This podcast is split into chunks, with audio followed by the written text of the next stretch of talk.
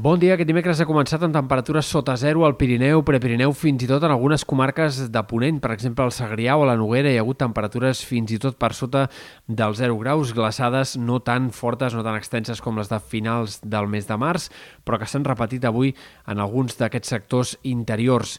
A l'est, els núvols han evitat que la temperatura baixés tant, fins i tot ha plogut aquesta nit, però avui esperem que sigui un dia, en tot cas, amb nuvolositat encara variable, fins i tot força abundant en algunes comarques centrals, però amb poques opcions de pluja. Només s'escaparà algun ruixat puntual cap al Pirineu Oriental o la serralada transversal al llarg de la jornada.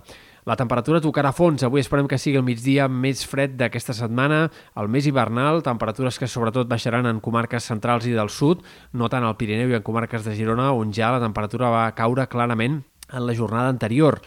De cara als dies vinents, el que esperem és que aquest dijous sigui un dia amb més clarianes, amb bastants núvols prims, un cel força enterbolit, però en general amb ressol, amb més clarianes que no pas avui. La temperatura es dispararà, tornarà a pujar ben bé 3, 4, 5 graus respecte a avui.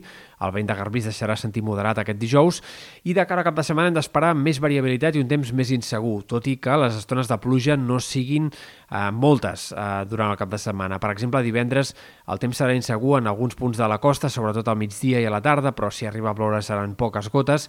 Sí que plouran més ganes el divendres i a l'inici del cap de setmana a les Balears i d'una forma més continuada, però en canvi, per exemple, dissabte els ruixats a Catalunya s'han de concentrar sobretot al Pirineu o en algunes comarques de l'extrem oest. En general, serà un dia mig ennuvolat i diumenge sí que arribarà una tongada de precipitacions més abundant, però segurament arribi especialment a partir de la tarda i de cara al vespre i nit. Precipitacions que en aquest cas sí que s'entreveuen importants en punts del Pirineu, Prepirineu, Catalunya central, menys probable que plogui amb ganes en comarques del sud. Per tant, situació de precipitacions que pot ser interessant de cara a diumenge i dilluns i que pot ajudar a lleugerir una sequera que s'allarga des de pràcticament l'estiu passat. El canvi de temps provocarà una baixada de les temperatures altre cop, però de moment el cap de setmana començarà amb valors de temperatura força més alts i amb un ambient bastant primaveral. Tant dissabte com bona part de diumenge la sensació de primavera ha de predominar i seria en tot cas a l'inici de la setmana que ve que altre cop aquest canvi de temps tornaria a fer baixar les temperatures fins a valors bastant similars als d'aquests últims dos dies.